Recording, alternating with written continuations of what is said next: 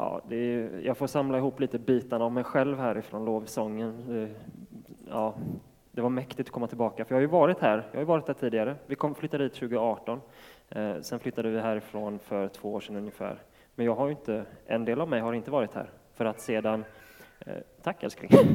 Eh, sedan eh, pingstdagen förra året så är jag en ny människa, för det var då jag döpte mig i Varbergs pingstkyrka.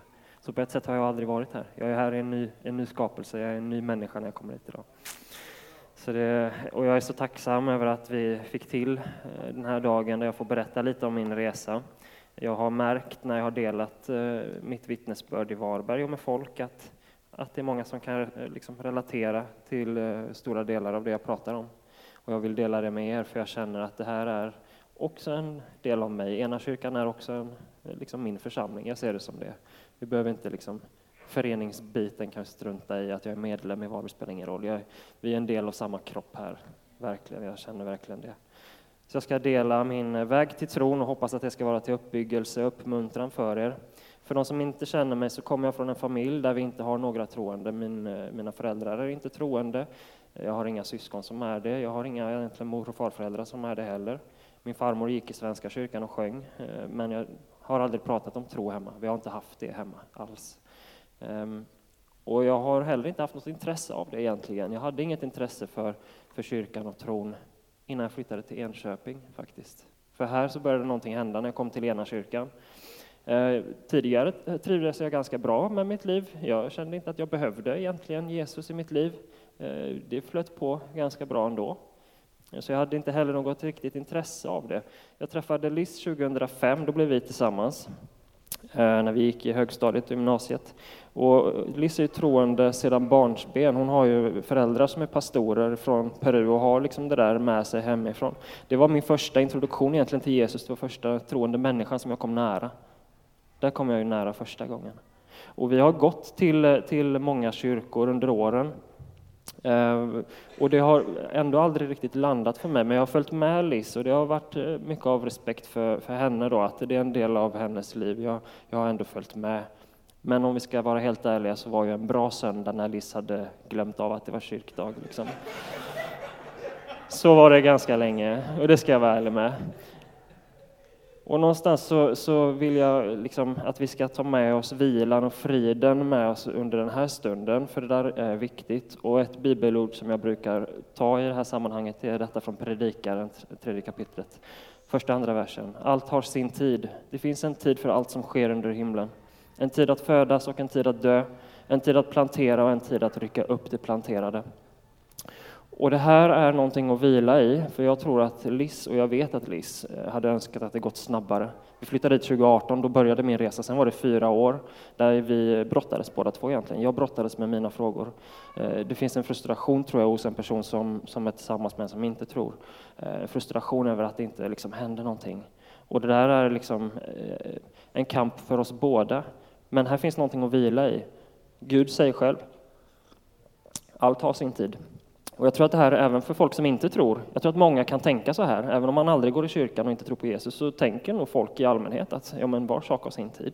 Det känner vi igen. Det behöver inte liksom man vara kristen för att säga.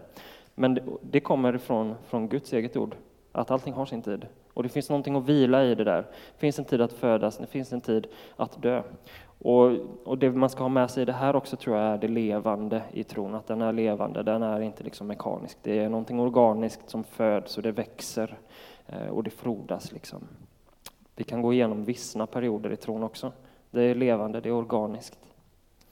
Vi gick till olika kyrkor eh, under tiden då som vi har varit tillsammans innan vi kom hit. Vi har varit i, i Malmö bodde vi ett tag och gick till United där nere. Vi har varit i Philadelphia kyrkan i Stockholm.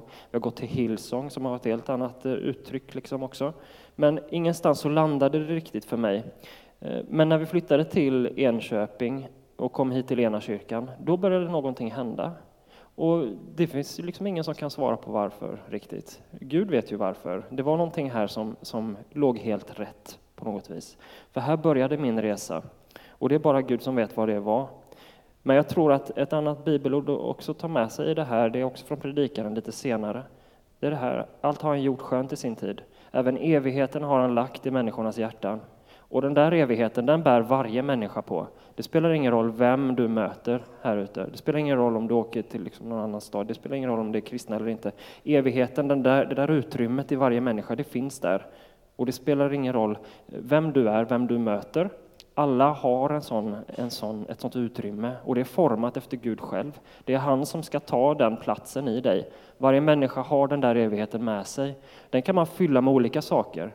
Vi kan fylla den med med destruktiva saker som, som eh, eh droger, sex. Vi kan fylla det med arbete, man kan arbeta ihjäl sig. Det kan bli ens hela liv, liksom, att man fyller sig själv med, med sitt arbete. Eh, det finns liksom en, en längtan i varje människa efter någonting större, en mening. En mening. Och den där evigheten, den behöver vi fylla.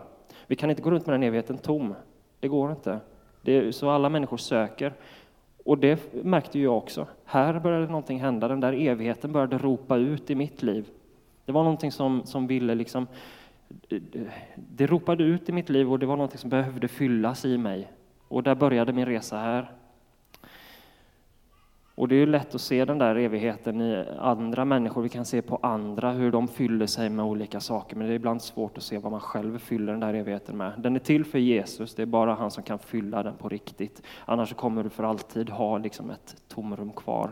Det är bara Jesus som kan fylla det helt och hållet. Men det är svårt att veta ibland själv, vad är det jag har fyllt mig själv med? Det är lättare att se i andra tror jag, och det kan vara farligt också.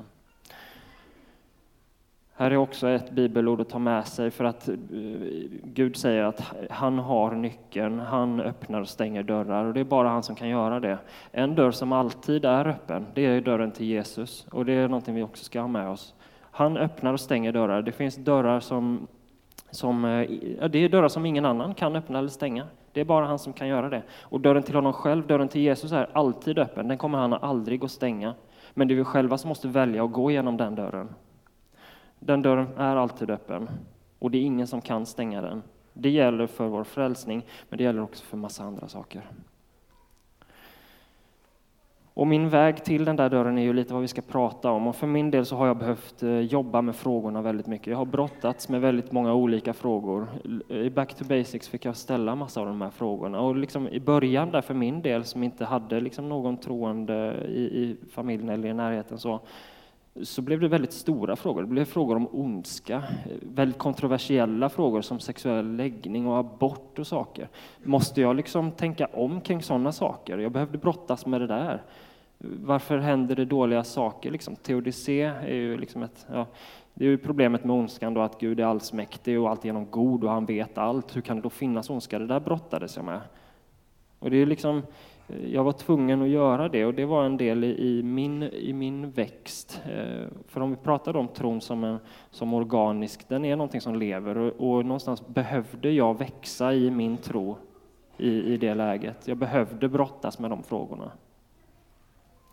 Den är inte, tron är organisk och inte mekanisk. Man kan jämföra det med en dynamo på cykeln som du liksom trampar igång. Ju mer du trampar desto mer lyser det, men så funkar ju inte Guds ljus. Jesus ljus funkar inte på det viset. Det är inte mekaniskt, det är ingenting du gör för att få ett exakt resultat. Utan det är någonting som lever. Det är någonting som ett frö som sätts, som sen får växa upp. Och det får leva sitt eget liv ibland. Och där kan ju frustrationen finnas då att, att varför går det inte snabbare, varför händer ingenting? Ja, men du kan inte tvinga de här plantorna att växa heller, utan det här får ta sin tid ibland. Och det är olika beroende på vem man är. Men för min del så var det här en process där jag behövde brottas med en del frågor. Jag behövde växa i de frågorna också. Jag har inte kommit på svaret på särskilt många av de här frågorna faktiskt. Det kan man ju ha, också ha med sig att det, det handlar inte så mycket om att komma fram till svaret heller tror jag. Vi behöver växa allihopa och vi kan fortsätta utvecklas i det där. Och för min del så var det också detta att, att eh, olika världsbilder och egentligen min självbild kom i konflikt. Alltså jag är uppvuxen med en, en särskild världsbild från en familj som inte är troende i Sverige.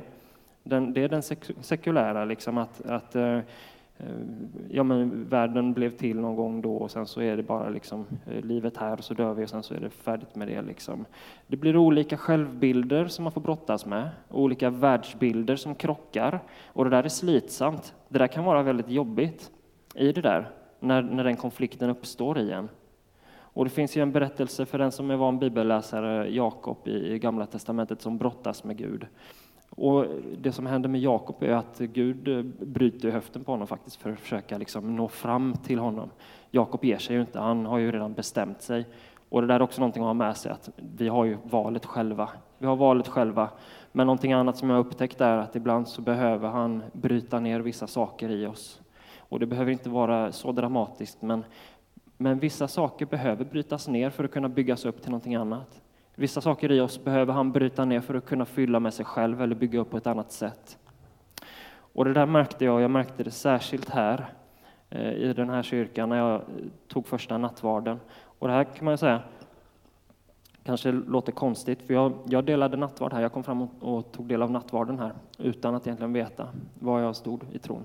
Det kan man tycka lite olika om, men jag gjorde det. Det var en inbjudan till nattvard och eh, ordet som gick ut var liksom att den som inte är helt säker, som inte, vet, som inte vet om det här är sagor eller på riktigt, kom och ta del av nattvarden och se. Kom och, kom och se. Och jag gjorde det. Det som hände då var att jag kom fram här, jag tog del av nattvarden, jag gick bak och satte mig här bak. Och sen så brast jag ut i tårar och jag grät. För jag visste inte vad det här var, jag fattade inte liksom detta, jag greppade inte detta. Eh, jag visste inte vad jag skulle tro på, om det här var på riktigt eller om det bara var sagor. Och väldigt mycket bröts liksom i mig i den stunden. Och jag har haft många sådana stunder, men det var särskilt en sån stund då, då Gud behövde bryta sönder någonting i mig för att kunna bygga upp det på ett annat sätt. Och en bild som jag tänkte dela, som, som också jag använder för att försöka förklara liksom vad det är som händer i, i mig där och vad som kan hända i oss människor, det är från Gamla Testamentet. Det är i det sammanhang där man inviger templet i Jerusalem. Man inviger templet, man har burit in arken och sen går prästerskapet ut. Och det som står i Första Kungaboken då i åttonde kapitlet är att när prästerna gick ut ur helgedomen uppfylldes Herrens hus av molnet så att prästerna inte kunde stå och göra tjänst på grund av molnet eftersom Herrens härlighet uppfyllde Herrens hus. Eller, ja, nej, just det, precis. Eftersom Herrens härlighet uppfyllde Herrens hus. Det här hörde jag i en predikan. Det var Elisabeth Rambrandt här faktiskt som, som höll en predikan om detta. Eh, och det hon pratade om, det var ju Guds hus liksom, och templet och liksom att Herrens härlighet kan ha den effekten. Men det jag hörde när jag hörde den predikan, det var ju en bild av mig själv. Jag delade det här på Back to Basics en gång till dig, eh, Christer. För det som, jag, det som jag hörde i den här, det var ju att det som höll på att byggas upp i mig, det var så uppfyllt av någonting att jag inte kunde liksom, jag fattade ingenting. Det som händer i den här berättelsen är att prästerna går ut ur templet och då när Herrens härlighet uppfyller templet, då klar, de kan inte stå och göra tjänst längre. Och vad innebär det att prästerna inte kan göra tjänst? Ja, det är ju att hela styrsystemet slutar ju funka. Det är lite som en, en, flygplan, ett flygplan och hela instrumentbrädan det bara börjar blinka. Du kan inte längre hålla kontroll över det här flygplanet. Eller en bil där det bara liksom, systemet slutar funka och det bara kör. Liksom. Eh, och det är det som händer här. Prästerskapet som ska leda församlingen och vara liksom de som styr och de som leder, de kan inte längre göra det på grund av Herrens härlighet som uppfyller den här platsen. Det var vad som hände med mig. För att Herrens härlighet hade uppfyllt mig redan. Han var redan där inne och jobbade. Han byggde sitt hus i mig. Och då funkade saker här uppe inte som de skulle. Så, var det. För, för, när Herrens härlighet uppfyller dig, ja, men då är det inte säkert att, att du har samma liksom, du har inte kontroll över läget och det finns frågor som du inte kan liksom hantera och du förstår inte liksom vad, det är som, vad det är som händer. Och vi vet ju från andra eh, ställen i Bibeln att, att vi är ju en Guds skapelse, en Guds byggnad. Vi är ett, ett tempel i oss själva. Vet ni inte att er, er kropp är ett tempel för den helige Ande som bor i er och som ni har fått av Gud? Ett annat sammanhang här i Johannes evangelium. Den dagen ska ni förstå att jag är i min far och att ni är i mig och jag i er. Så var det ju. För han höll på att bygga upp någonting i mig och i takt med att hans härlighet uppfyllde mig, att hans ande jobbade i mig, då slutade andra saker att fungera. Det var därför jag bröt ihop här när jag tog nattvarden den första gången. Att jag fattade inte vad det här var. Liksom. Jag förstår inte vad det var som hände. Och det var de här olika världsbilderna och, och liksom identitet någonstans som var i uppror över det här. Och det är en bild att ha med sig och jag tror att det här gäller för de som är nya i tron, särskilt i det här landet, för att vi är inte vana, vi har inte den, de begreppen riktigt för tron i Sverige som man har i andra delar av världen. Vi är obekanta med troende människor på det viset. Liksom. Eh, så jag tror att det kan hända med folk som är nya i tron här. Men jag tror också att Gud ibland behöver renovera lite i vårt inre tempel. Jag tror att det kommer stunder i livet då en troende som kanske har gått med Gud länge, flera år och decennier, känner att nu fattar inte jag riktigt. Det kan vara händelser i livet där saker kastas omkull. Han behöver renovera lite i, i, ditt, i ditt inre. I det tempel som han har i dig behöver han riva ut vissa saker, ersätta dem med nya. Jag tror att det kan hjälpa att ha den här bilden framför sig och förstå då att okej, okay, nu jag fattar inte allt detta. Jag förstår inte varför det här händer. Jag förstår inte eh, hur det här hänger ihop. Men då förstår jag att okej, okay, det är Gud som jobbar i mig. Låt honom få jobba i mig då och låt det få ta tid och det kommer snart att landa. Jag tror att vi måste, måste kunna vila i det där. Men det är en utmaning och det har tagit lång tid för mig och för min del så har det varit för att jag ville känna mig helt säker. Jag ville ha ett ögonblick egentligen då jag var helt säker på att det här var på riktigt. Jag ville ha eh, tecken och jag ville se eller uppleva någonting. Jag ville ha någonting bara som jag kan hålla fast vid, någonting som jag inte kan bortse ifrån. Inte liksom bara slumpen, så som jag skulle kunna liksom bortförklara saker, utan jag vill ha någonting som, jag kan inte bortförklara detta med någonting annat. Så jag vill ha ett tecken, jag ville ha en, en syn, en upplevelse. Och, och, när jag har växt i detta så har jag bett över det där. Jag har bett som, som Thomas gör i Johannes evangelium. Vi ska komma till den texten sen. Men Thomas är en av, av eh, Jesu lärjungar och, och han eh, kunde inte heller tro om han inte får se och sticka fingern i spikhålen som han säger. Jag vill också ha ett sådant tecken och jag tyckte att Gud kunde väl ge mig det. Varför skulle han inte kunna göra det? För då skulle jag kunna komma vidare. Jag vill inte känna några tvivel. Jag vill i alla fall ha det där ögonblicket bara då jag kände mig helt säker, då jag inte tvivlade alls. Och jag har bett över det där. Jag har också lämnat eh, Bibeln och Gud helt och hållet en tid under den här perioden. För då, då liksom läste jag inte Bibeln, jag lyssnade inte på några predikningar. Det var liksom helt borta för mig. Men sen så kom jag ju tillbaka. Han kallar ju fortfarande på oss och han ger ju inte upp om oss, eller hur? Utan vi kan ju fortfarande komma tillbaka till honom. Ehm, men jag fick inga tecken och någonstans där så blev min, eh, min tro blev ju mer av det här mekaniska då, att jag behövde göra mer. Jag kanske behöver be på ett annat sätt, jag kanske behöver omvända mig igen, jag kanske behöver eh, synda mindre. Saker som jag kände att jag behövde kanske göra på något annat sätt. Något tillfälle hemma i, i Bressan där vi bodde så, så satte jag mig ner på knä och bad och sen kände jag att det här var ju skitdumt för det är ju inte det det handlar om. Alltså jag föll på knä för jag tänkte att då kanske det hände någonting. Det gjorde det ju inte då heller. Så någonstans så kunde jag vara ganska religiös utan att vara troende. Så jag liksom kunde engagera mig i de här dumma sakerna. Liksom. Det, det hjälpte inte. Det har inte hjälpt. Um, sen så i april då, förra året, april 2022, då var jag ganska trött på det här. Som sagt, jag flyttade hit 2018, då började min resa. April 2022, det, är liksom, ja, men det var fyra år ungefär som jag hade gått och brottats med det här. Jag var trött på det, jag tvivlade fortfarande, jag analyserade allt. Ehm, och då, då liksom, jag var så trött på att stå i de här två världarna också, för jag hade ett ben i kyrkan och ett ben i världen, om vi ska kalla det så. Eh, och jag var fruktansvärt trött på det. Jag var i ett vägskäl och jag kände att nu är det antingen liksom eh, den ena eller andra vägen. Det får vara liksom dop eh, och, och hela, hela alltet. Eller så lämnar jag detta helt. Jag stod i ett vägskäl i det läget. Och jag pratade med vår pastor i Varberg, Ola, om det här. Eh, och jag var väl inte jättenöjd med vad han sa efter det mötet, för han sa, han sa att jag var redan framme, liksom. jag kunde inte göra mer, det fanns inte mer att göra. Jag kunde inte liksom, nej, det finns inget mer. Jag har allt, liksom. jag har läst Bibeln, jag har, jag har bett, jag har gått på gudstjänster. Det, liksom, vad ska, nej, det finns inte mer att göra. Men efter mitt samtal med honom eh, så läste jag lite Bibeln och så kom jag till det här ordet, och det är från Romarbrevet där Paulus skriver att om israelerna då, att eh, mitt hjärtas önskan och min bön till Gud för dem är att de ska bli frälsta. Jag kan vittna om att de har en iver för Gud, men de saknar den rätta insikten. De känner inte rättfärdigheten från Gud utan försöker upprätta sin egen rättfärdighet och därför har de inte underordnat sig rättfärdigheten från Gud. Och jag kände igen mig i det här.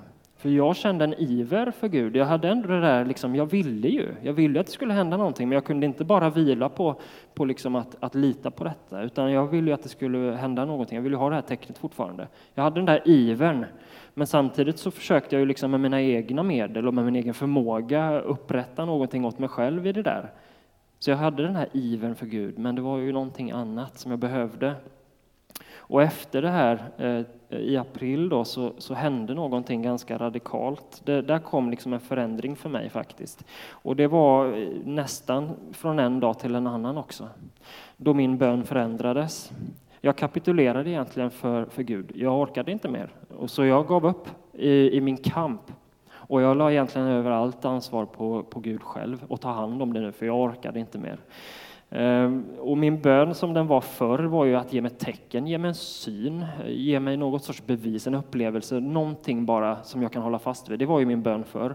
Men efter det här tillfället då blev min bön istället att riva ut allt det där. För jag orkade inte längre tvivla, jag orkade inte längre analysera alla de här sakerna. Så jag bad Gud, riv ut allt det här och uppfyll mig igen med någonting nytt. Uppfyll mig med det själv. Riv bara ut det som jag bär på nu, för jag orkar inte med det mer. Nu lägger jag detta i dina händer. Och jag bad om att få liksom hjälp att släppa den kontrollen över honom. För jag försökte ju någonstans kontrollera också hur det här skulle gå till. Hur min frälsning skulle gå till. Liksom. Försökte också kontrollera och det går ju inte heller, så jag bad honom att liksom hjälpa mig att släppa all den här kontrollen. Och, och, när jag gör det, då förra våren, så landar jag i en, i en frid som jag inte haft tidigare. Jag kom in i ett lugn som jag inte haft tidigare.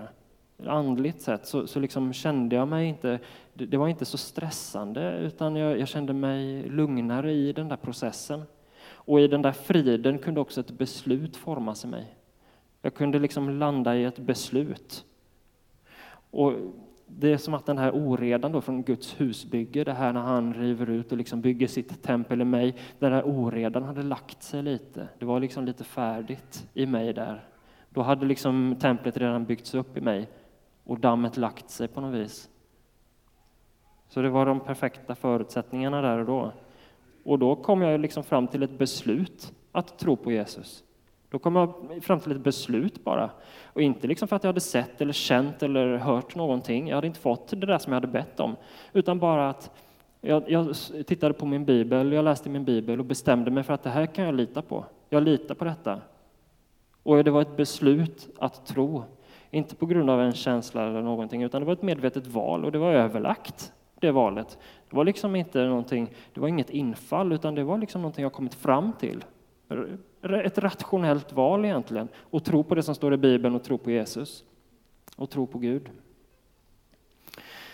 Och det är där någonstans som jag vill, vill eh, förmedla också, att man kan bestämma sig för detta. För jag har själv inte hört någon faktiskt som har sagt det på det viset. Eh, och det är bara att tacka Gud för att han visade den vägen. Och någonstans idag är jag väldigt tacksam och glad över att han har visat mig den vägen. Och kunnat visa att det, att det går. För det är, det är, precis som att lita på en annan människa. När jag och Liz gifter oss, då bestämmer jag mig för att jag litar ju på henne och vill leva med henne. Och sen har vi en vigselring som är tecknet. Och någonstans blir ju dopet mitt tecken på att jag tror. Men mitt beslut att tro, det är någonting annat. Det är när jag bestämmer mig för att lita på det som står i Bibeln och lita på det som Gud har sagt. Och jag menar ju att det kan alla människor göra. Det kan alla människor göra. Och vi ska gå till det stycket i Johannes evangeliet som handlar om Thomas. Eh, jag känner mycket, mycket med eh, honom och den här texten. Han kallas ju Thomas tvivlaren. Eh, och vi ska läsa en del när han då får träffa Jesus. För de andra lärjungarna har ju fått se Jesus och sagt det till honom, men han kan inte tro för han har inte sett. Så Thomas vill ju själv se. Så här då, så, ehm, så är de i den här salen och Thomas, en av de tolv, han som kallades tvillingen, hade inte varit med de andra när Jesus kom. De andra lärjungarna sade nu till honom, vi har sett Herren. Men han svarade dem, om jag inte får se spikhålen i hans händer och sticka mitt finger i spikhålen och min hand i hans sida, så kan jag inte tro. Åtta dagar senare var hans lärjungar samlade igen där inne, och nu var Thomas med dem. Då kom Jesus medan dörrarna var låsta och stod mitt ibland dem och sade, frid vare med er. Sedan sade han till Thomas, kom med ditt finger och se mina händer Kom med din hand och stick den i min sida och tvivla inte utan tro.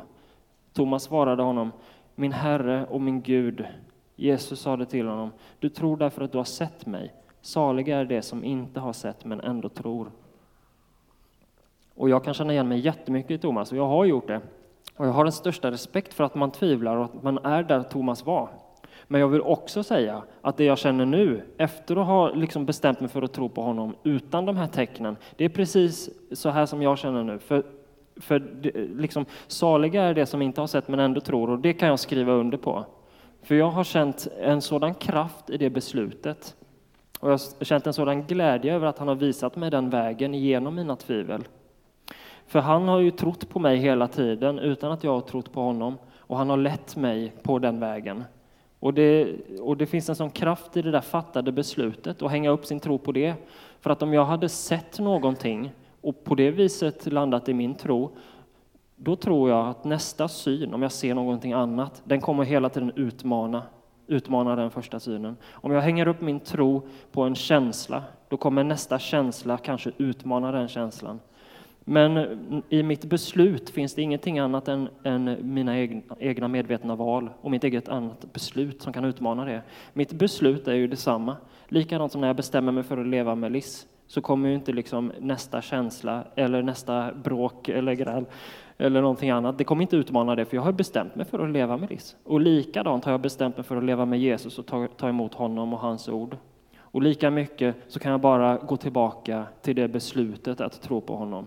För ingen känsla och ingen syn kan utmana det. Jag har ett exempel nu. För ett par veckor sedan så hade jag problem med benet och gick fram för förbön för, för att få ett helande i mitt ben. Eh, jag blev inte helad, men det gjorde inte mig någonting, för det är inte det jag hänger upp min tro på. Jag är glad ändå, jag tror fortfarande på Jesus. Jag behövde inte det där helandet. Så någonstans ska man ju också då eh, tänka att jag, jag, behöver faktiskt jobba lite på min förväntan idag. Idag behöver jag mer jobba på att skapa mig den där förväntan på vad Gud kan göra. För jag har på något vis gått ifrån det där att förvänta mig någonting av honom och kräva någonting av honom. Eh, så jag behöver egentligen komma tillbaka till någon sorts förväntan på Gud. Men jag har en väldigt stark kraft i det här beslutet att tro. Det har jag redan känt. Jag hade en, under hösten en period då, var, då, jag inte kände någonting egentligen. Jag undrade lite, vad, vad var det här då? För jag döpte mig på sommaren och under hösten så var det liksom ganska dött. Eh, men jag hänger upp min tro på det här beslutet. Det, det är där jag har min tro. Och på det beslutet kan jag gå igenom även en höst där jag inte känner någonting, där jag inte ser någonting. Det finns en väldig kraft i det där. Jag behöver inte känna honom hela tiden. Jag behöver inte de där tecknen. För jag har bestämt mig. Och det är det som jag vill eh, förmedla, det är där jag vill landa i detta på något vis. För vi kan gå runt och tvivla och det är normalt. Alla människor tvivlar. Jag har fått liksom äldre människor i vår församling kommer fram och säger att ja men det är klart, alla tvivlar ju. Och så är det. Men när det blir liksom, när man har fastnat i det så vill jag säga att det finns en väg ut och det kanske är att bara bestämma sig. Vi eh, kommer ha lite förbön här sen som sagt och där finns det möjlighet för dig som känner att du har fastnat eller som undrar lite vad är det Gud har, har, tänkt här? Jag fattar inte Guds plan för mitt liv. Jag förstår inte varför de här sakerna händer med mig. Eh, då finns det möjlighet att få förbön, det är här framme. Så kom fram då, var frimodig och kom fram och, och låt någon be över detta eh, med dig. Ehm, jag vill också göra en inbjudan här. För om det sitter någon här som känner att det här tvivlet, det, det stör så fruktansvärt och jag kommer inte vidare. Jag har fastnat i de här gamla hjulspåren och jag kommer inte ifrån det. Jag vill eh, lämna utrymme för dig att eh, få, få Guds välsignelse och få bön för dig. Eh, så vi kommer göra så att vi alla blundar och liksom sänker våra huvuden av respekt för den som eh, känner att den vill ha förbön. Och så ska jag bara fråga sen för den som känner att den har fastnat och känner att den vill ha av Guds frid och Guds ledning i det här, du får räcka upp din hand. Så om alla bara eh, sänker sina huvuden, blundar, så ska vi be att den helige Ande kommer med sin frimodighet och sin frid, så att den som känner att den har fastnat i tvivel och i tankar analyserande får räddning i det. Så om du sitter här som känner att du har fastnat, du behöver eh, Guds ledning ut ur en situation, ut ur analyserande och tvivel, räck upp din hand nu, ska vi be för dig. Se din hand, Gud välsigne dig. Se din hand, Gud välsigne dig. Välsigne dig, Gud välsigne dig. Jag ser din hand, Gud välsigne dig. Se din hand, Gud välsigne dig. Tack Jesus. Tack heliga Ande. Helige Ande, Herre, se din hand, Gud välsigne dig. Se din hand, Gud välsigne dig. Tack Jesus. Tack Jesus. Han är här, helige Ande är här, han vill ge dig av sin frid. Han är här och vill ge dig av sin frid. Och det finns en väg ut ur varje tanke har en lösning. Varje boja har han en nyckel till. Han vill lösa dig från alla de begränsningarna som du känner i ditt liv. Tack Jesus. Är det någon mer som känner att den vill ha förbön så räck din hand nu. Helige Ande kom. Se din hand, Gud välsigne dig. Tack Jesus. Ja, vi ber tillsammans. Tack Jesus för att du är här och du vill möta oss. Du ser varje människa i det här rummet. Du ser precis vad vi har kommit och burit med oss in i den här salen. Och du vill ta allting på dig Jesus. Du har sagt att vi ska kasta alla våra bördor på dig och när vi är trötta ska vi komma till dig.